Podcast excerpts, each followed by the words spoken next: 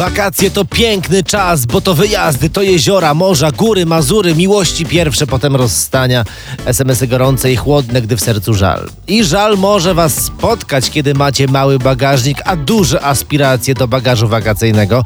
Najgorzej jak dziecko małe, bo to wanienka, to gondola, stelaż do wózka, pampersy, ciuchy na zmianę, 20 koszulek, 15 spodenek, tyle samo majtek na zmianę, bo tych, co zaplanowałeś, masz już ze 20. I nagle patrzysz w pojemny bagażnik samochodu, jak zapewniali przy zakupie w salonie, na wakacje da pan radę. No, no i nie dał. 500 litrów miało ma, mało ustawne. Absurdalnie, bo to przecież kombi albo SUV może.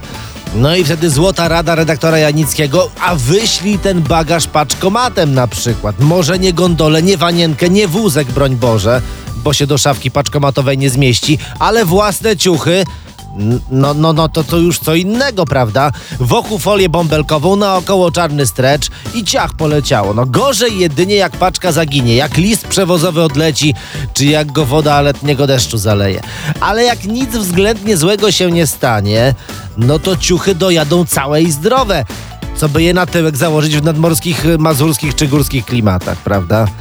Tak to nawet nie trzeba kupować specjalnie dużego auta, bo bagaż dojedzie szybciej jak wy. I to są ekspresowe wakacje. No absurdalne, że niby kombi, niby SUV i niby też 500 litrów, a nadal jakby ciut za mało tej przestrzeni. No.